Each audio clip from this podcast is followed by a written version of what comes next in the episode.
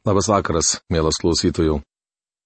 Šiandien toliau keliausime Biblijos puslapiais, Naujojų testamentu, pirmu laišku tesalonikiečiams. Praėjusioje laidoje pradėjome nagrinėti trečią skyrių, kurio tema - Kristaus ateimas skaistinanti viltis. Mes jumis apžvelgėme temos dalį - Timotėjus atneša gerą žinę apie tesalonikiečius. Tai mūsų išnagrinėtos eilutės nuo pirmos iki aštuntos. Šiandien pratesime šios skyriaus apžvalgą ir laidą pradėsime nagrinėdami temą Paulius ragina nuolat aukti. Pasimelskime. Mūsų tėve, mes dėkojame tau, kad visada galime būti tavo akivaizdoje ir gyvendami kur bebūtume, ką bedarytume, dirbdami ar namuose, Ilsėdamiesi ar miegodami mes niekada viešpate neišeinam iš ribų tos aplinkos, kurią tu žvelgi ir kurią tu matai. Dėkojame tau, dangaus Dieve, kad šį vakarą galime atsiversti šventojo rašto puslapius ir išgirsti tave prabylantį. Meldžiam, kad tu padėtum mums suprasti tuos žodžius, kuriuos šiandien skaitysime, kad tu pripildytum savo dvasę ir vestum mus pamokydamas, įrodydamas kaltę pataisydamas ir ugdydamas kiekvieną savo vaiką, kurį tu atgimdėjai amžinybei. Dangaus Dieve, tu pažįsti žmonių širdis ir matai jų mintis bei širdies kelius, mūsų suklydimus. Aš melžiu už kiekvieną žmogų, kuris šiandien girdi tavo žodžio pamokslavimą, bet jo nesupranta, kad tu apšviestum jo protą ir įtikintum širdį. Aš prašau už kiekvieną mūsų radio klausytoją, kad nei vienas nebūtų abejingas išgirstam žodžiui. Ir kiekvienas savo širdyje atsilieptų į tavo kvietimą - ateiti, gerti tavo gyvybės vandenį ir valgyti tavo kūną, tai yra tavo žodį, be kurio ne vienas iš mūsų nematysime tavęs. Dėkojame tau šį vakarą ir prašom, kad tu palaimintum jį Jėzaus vardu. Amen. Ir kaip atsidėkosime Dievui už jūs, už visus džiaugsmus, kuriuos iš jūsų patiriame savo Dievo akivaizdoje. Pirmas laiškas Tesalonikiečiams trečias skyrius devinta eilutė. Džiaugsmas asocijuojasi su gyvenimu, o liudesys su mirtimi. Tačiau liudesys padidina širdies sugebėjimą džiaugtis. Paulius trokšta, jog tesalonikiečiai žinotų, kaip džiaugtis. Mielas bičiuli, būti krikščionių yra nuostabu. Dieną ir naktį karštai maldaujame, kad mums būtų leista išvysti jūsų veidus ir papildyti, ko dar stinga jūsų tikėjimui. Pirmas laiškas Tesalonikiečiams trečias skyrius dešimta eilutė. Pauliaus triūsas Tesalonikoje buvo labai šiurkščiai nutrauktas, nes jis buvo išvytas iš miesto. Apaštalas norėjo sugrįžti, kad galėtų toliau mokyti Dievo žodžio. Jis pats Mūsų Dievas ir Tėvas ir mūsų viešpats Jėzus te praskina mums kelią pas jūs. Pirmas laiškas Tesalonikiečiams trečias skyrius vienuolikta eilutė. Paulius iš viso širdies meldėsi, kad galėtų sugrįžti pas Tesalonikiečius.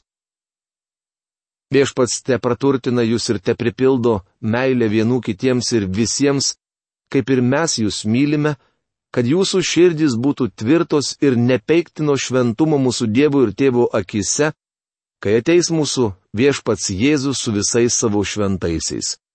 Pirmas laiškas Tesalonikiečiams trečias skyrius 12-13 eilutės.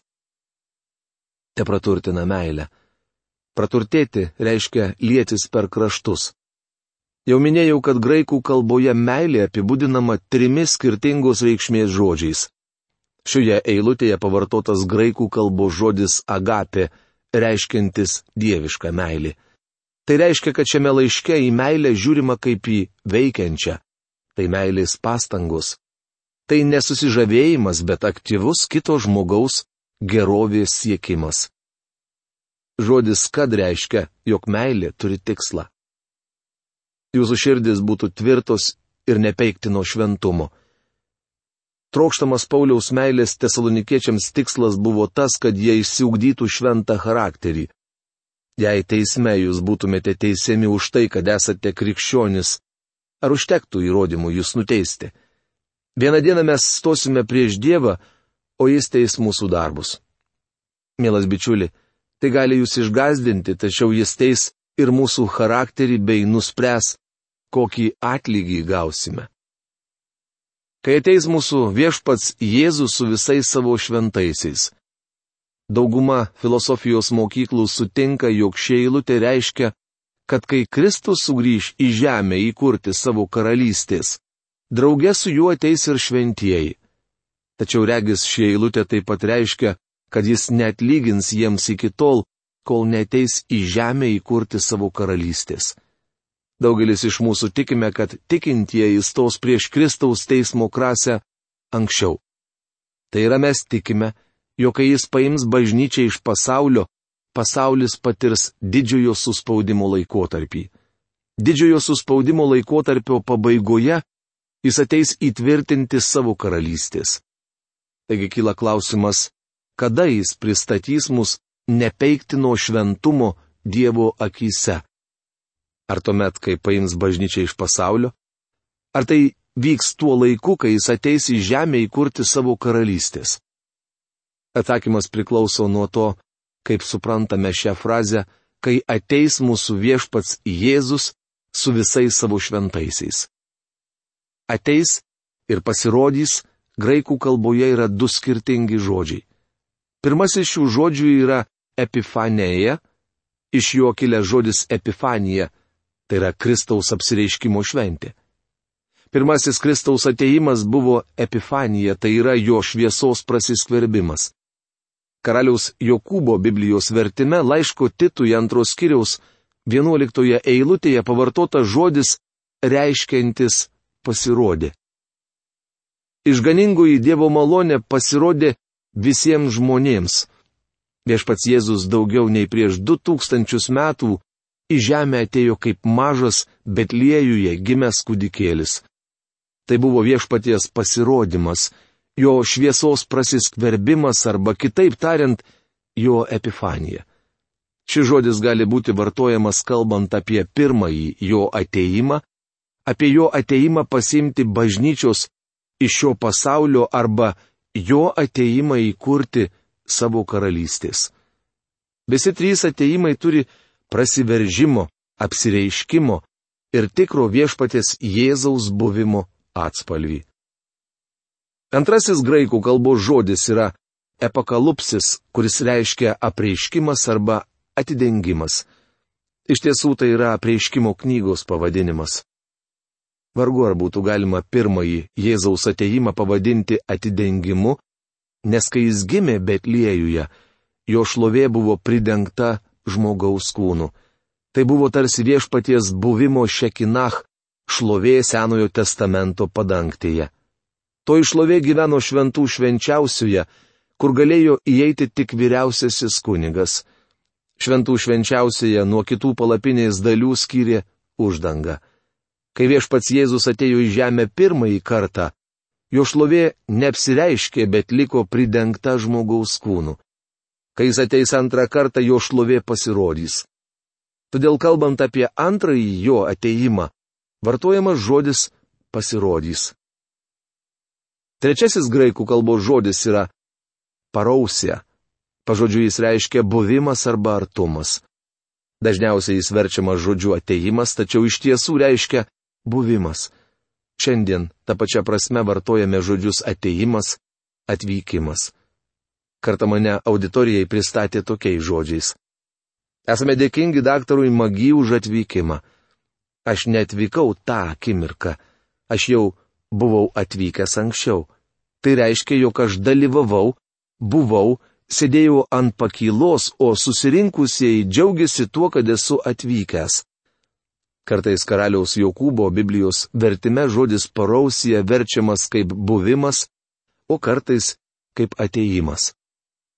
Taigi, mano mylimieji, kaip visuomet klausydavote manęs, kai būdavau tarp jūsų rašoma filipiečiams laiško antros kiriaus dvyliktoje eilutėje. Pirmo laiško tesalonikiečiams antros kiriaus devynioliktoje eilutėje taip pat, kaip ir mūsų nagrinėjamoje eilutėje, graikų kalbos žodis parausija verčiamas žodžiu ateimas. Todėl frazė, kai ateis mūsų viešpats Jėzus, kalba apie faktą, kad tikintieji bus su viešpačiu Jėzumi tą akimirką, kai būsime pagauti oran, kad susitiktume su viešpačiu. Jis pasiims mus išlovę į vietą, kurią mums paruošė. Taigi šis ateimas nereiškia viešpaties sugrįžimo su savo šventaisiais įkurti savo karalystės, bet kalba apie mūsų ateimą į tėvo akivaizdą. Ta pati mintis užrašyta pirmame laiške tesalonikiečiams antros kiriaus devinioliktoje eilutėje. Kasgi yra mūsų viltis, džiaugsmas ir pasididžiavimo vainikas prieš mūsų viešpati Jėzų, kai jis ateis? jeigu ne jūs. Mes ateisime į viešpatės Jėzaus buvimą ir tuo metu būsime pristatyti nepeiktino šventumo mūsų Dievo akise. Pirmas laiškas tesalonikiečiams ketvirtas skyrius. Tema - Kristaus ateimas yra skaistinanti viltis ir Kristaus ateimas yra godžianti viltis kaip turi gyventi tikintieji. Pagaliau, broliai, prašome ir raginame jūs viešpatyje Jėzuje. Jeigu išmokote iš mūsų, kaip privalote elgtis ir patikti Dievui, o jūs taip ir elgėtės, tai darykite vis daugiau pažangos. Pirmas laiškas tesalonikiečiams ketvirtas skyrius, pirma eilutė. Šiame skyriuje rašoma, kaip tikintieji turi gyventi žemėje, laukdami Kristaus ateimų. Svarbiausias šios kiriaus žodis - gyventi pavartotas pirmoje, o vėliau dvyliktoje eilutėje. Tai praktiškas viešpaties ateimo vilties aspektas. Man patinka laukti dienos, kai būsime pagauti debesysna, pasitikti viešpaties ore. Tačiau, mielas bičiuli, kol kas mūsų kojos remiasi į žemę ir mums reikia vaikščioti ją privalome gyventi taip, kad tai patiktų Dievui. Jeigu išmokote iš mūsų, kaip privalote elgtis ir patikti Dievui, o jūs taip ir elgėtės, tai darykite vis daugiau pažangos. Mes turime elgtis vis geriau ir geriau. Turime aukti malonę ir jo pažinimu. Visame šventajame rašte taip pat ir šioje eilutėje pabrėžiama, jog kasdienis tikinčiojo gyvenimas yra nepaprastai svarbus. Tikintysis negali elgtis taip, kaip jam patinka. Jis privalo elgtis taip, kaip patinka Kristui. Jūs juk žinote, kokiu nurodymu esame jums davę viešpaties Jėzaus vardu. Pirmas laiškas tesalonikiečiams ketvirtas skyrius antra eilutė. Paulius rašo, kad jis tesalonikiečiams buvo davęs tam tikrų nurodymų susijusių su jų gyvenimu. Tikriausiai prisimenate, kad viešpats Jėzus taip pat davė tam tikrų nurodymų. Kai kurie iš jų yra nauji. Leiskite man pasakyti, jog nusidėjėlio išgelbėjimo procese dešimt Dievo įsakymų netlieka svarbiausio vaidmens. Tai reiškia, jog jie nėra krikščioniško elgesio standartas.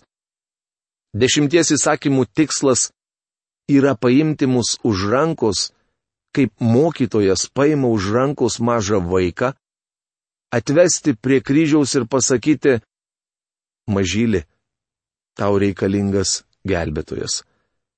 Dešimt Dievo įsakymų yra tarsi veidrodis, kuris leidžia mums pamatyti, kad esame nusidėjėliai. Dešimt įsakymų buvo duoti ne tam, kad mus išgelbėtų. Jie buvo paskelbti, kad parodytų, jog esame nusidėjėliai, kuriems reikalingas gelbėtojas. Tikintiesiems skirti nurodymai ir krikščionių gyvenimo standartai yra daug aukštesnėje plotmėje nei dešimt įsakymų. Kaip jau minėjau, penktame šio laiško skyriuje užrašyti 22 nurodymai tikintiesiems. Tikriausiai jums kyla klausimas, Jei žmogus nesugebėjo laikytis dešimties Dievo įsakymų, kaip jis galės laikytis dar aukštesnių nurodymų? Biblijoje labai aiškiai parašyta, kad žmogus nepaėgė vykdyti dešimties įsakymų. kad Izraelio tauta peržengė šiuos įsakymus, pripažino ir apaštalas Petras. Įsiliepsnojus ilgam ginčiui, Petras pakilo ir kreipėsi į juos. Mėly broliai, jūs žinote, jog Dievas jau nuo seniai išsirinko mane iš jūsų, kad pagonys iš mano lūpų išgirstų gerąją naujieną ir įtikėtų. Tad kamgi gundote Dievą ir kraunate ant mokinių sprandų jungą, kurio nei mūsų protėviai, nei mes patys negalėjome panešti. Verčiau, tikėkime viešpatės Jėzaus malonę būsę išgelbėti kaip ir jie. Rašoma paštalų darbų knygos 15 skyriaus 7 bei 10-11 eilutėse. Jei negalime įvykdyti dešimties įsakymų, kaip tuomet sugebėsime laikytis dar aukštesnių krikščioniško elgesio įsakymų. Savo jėgomis žmogus negali jų įvykdyti. Tai gali padaryti tikinčiajame gyvenanti šventoji dvasia. Apie tai rašoma aštuntoje šios kiriaus eilutėje. Jūs juk žinote, kokių nurodymų esame jums davę viešpaties Jėzaus vardu. Paulius tikintiesiems kai ką nurodo. Tai reiškia, kad mes turime būti disciplinuojami ir paklusti Kristui. Tai turėtų būti meilės santykiai, kitaip tariant, mūsų motyvas turi būti meilė. Iš pats Jėzus kalbėjo. Jei mane mylite, jūs laikysitės mano įsakymų. Taip rašoma Evangelijos pagal Joną 14 skyriaus 15 eilutėje. Tokiagi Dievo valia jūsų šventėjimas susilaikykite nuo svetimavimo. Pirmas laiškas tesalonikiečiams, ketvirtas skyrius, trečia eilutė. Šventėjimas puikus žodis, tačiau baiminuosi, kad jis labai neteisingai suprantamas. Skaitydami šventą įraštą sužinosite, jog šventėjimas turi keletą skirtingų reikšmių. Kai jis vartojamas kalbant apie Kristų, taip kaip čia, tai reiškia, jog Kristus tapo mums pašventinimu ir mes nebegalime to patobulinti. Todėl šventėjimas ne tik paprasčiausiai reiškia būseną be nuodėmės, bet tai, kad mes buvome atskirti Dievui. Pavyzdžiui, apaštalas Petras kalba apie tai, jog šventosios dvasios paakinti žmonės kalbėjo Dievo vardu, taip užrašyta antrame Petro laiške pirmame skyriuje 21 eilutėje. Kai kurių šventųjų gyvenimų istorijos toli gražu neskamba labai šventai. Pavyzdžiui, Mozė buvo žmogžudys. Davidas parašęs tiek daug nuostabių psalmių. Taip pat buvo žmogžudys. Tačiau ir Mozė, ir Davidas buvo pašventinti, šventi, nes buvo atskirti Dievui. Tikinčiojo pašventinimas yra Dievo dvasios darbas. Trumpai aptarsime tris pašventinimo aspektus nes tai nepaprastai svarbu. Pozicinis pašventinimas reiškia, kad Kristus tapo mums pašventinimu. Mes esame priimtini mylimajame ir niekuomet nebūsime labiau išgelbėti nei tą akimirką, kai patikėjome Kristumi. Mus priėmė ne dėl to, kas mes esame, bet dėl to, ką padarė Kristus. Šis pozicinis pašventinimas yra tobulėjimas Kristuje. Praktinis pašventinimas vyksta tuo met, kai šventoji dvasia veikia mūsų gyvenime, kad padarytų jį šventą. Dvasia padarytų, ne mes. Šis praktinis pašventinimas niekuomet netaps tobulas, kol mes gyvename žmogaus kūne ir turime seną nuodėmingą prigimtį. Visiškas pašventinimas įvyks ateityje, kuomet atitiksime Jėzaus Kristaus atvaizdą tuomet ir pašventinimo pozicija, ir praktika taps tobulus. Tiesioginė žodžio pašventinimas reikšmė būti atskirtam Dievui. Ta akimirka, kai pražuvęs nusidėjėlis ateina pas Kristų ir priima jį kaip gelbėtoją, žmogus atskiriamas Dievo tikslams. Tai labai aiškiai galime suvokti skaitydami apie Senojo testamento padangtę. Dievas Senojo testamento tikinčiuosius didžių tiesų mokė per labai paprastas ir praktinės pamokas.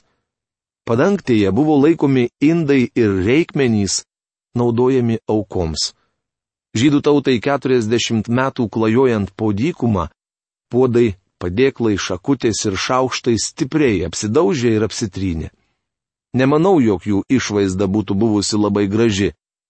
Mano nuomonė, bet kuri gera namų šeimininkė būtų pasakiusi, pakeiskime juos naujais. Šitos geriau išmeskime. Tačiau Dievas pavadino juos šventais indais. Jie buvo šventi, nes buvo atskirti Dievo naudojimui. Dėl to jie tapo šventais. Ta pati galima pasakyti ir apie žmogų.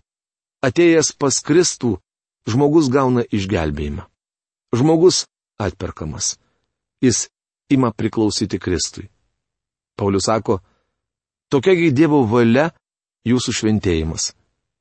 Jūs esate atskirti šventam tikslui, tai yra Dievo naudojimui. Dievo vaikai yra ne tik pamokslininkai, misionieriai ar krikščionys tarnautojai, bet visi jie yra atskirti Dievo tikslams. Susilaikykite nuo svetimavimo.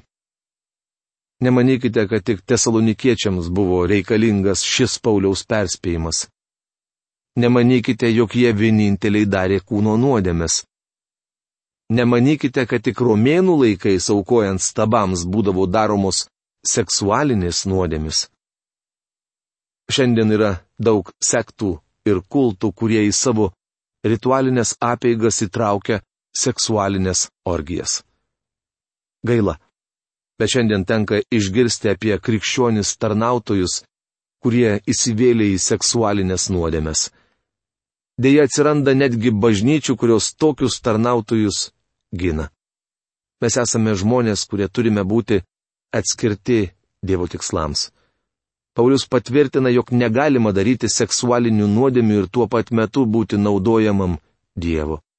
Neįmanoma gyventi nuodėmėje ir būti pamokslininku, šlovintoju, sekmadieninės mokyklos mokytoju ar bažnyčios tarnautoju. Nesvarbu, kas jūs, bet netinkamai elgdamiesi greunate Dievo darbą. Tai ar turėtų krikščionis siekti šventumo? Manau, jog taip. Tačiau turime pripažinti, kad tik Kristuje galime būti priimtini Dievui. Paulius sako, kad mes buvome pašventinti, pakelti į šią aukštą padėtį, atskirti Dievo naudojimui. Kaip elgtis toliau? Mėlyi tai klausimas, į kurį apaštalas Paulius, vedamas šventosios dvasios, bandys mums atsakyti kitoje mūsų laidoje. O šiandien baigdamas laidą, aš norėčiau paklausti tavęs, mielas klausytojau. Koksai tu esi indas? Ar garbingam ar negarbingam naudojimui. Ar klausydamas Dievo žodžią, tu esi ramus ir visiškai nesijaudini dėl nieko, ar vis dėlto tavo širdyje kažkas knipžda ir sako, sąžinė vartosi ir degina lygugnis, sakydama, kad kažkas negerai. Mėla žmogau, sustok savo gyvenime. Užduok savo klausimą, kur tu Kristaus atžvilgiu šiandien esi. Nes po saulę, po dangumi nėra svarbesnio dalyko ir nėra kito vardo, per kurį žmogus galėtų būti išgelbėtas kaip tik tai Jėzus Kristus. Jeigu tu turi neramybę savo širdyje ir bijai, kad amžinybė tavęs laukia atskirime nuo Dievo, šiandien, dabar, ten, kur esi, gali pripažinti savo ir visagaliui Dievui, kuris yra virš tavęs, kad tu esi polės nusidėjėlis, jau savo prigimtimi atsinešęs bausmę už nuodėmės. Jeigu tu išpažinsi jam, kad tu esi toksai ir būsi nuoširdus tame, jeigu tu šauksiesi jo vardo ir prašysi, kad jis ateitų į tavo gyvenimą, apšviestų ir parodytų tau, kaip tu turėtum pasikeisti, tu jau šiandien dabar gali tapti naujų žmogumi ir pradėti naują gyvenimą. Mano malda už tave, kad tu sustotum, apmastytum, paklaustum savęs ir būtinai sulauktum atsakymo, nes Dievas netrunka atsakyti. Ir aš dėkoju visiems jums, kurie rašote mums laiškus. Dėkojame jums už kiekvieną klausimą, nes galvojame, kad nėra blogų klausimų. Ir kiekvieną mes toliau stengsimės atsakyti pagal galimybės. Iki malonaus susitikimo. Sudė.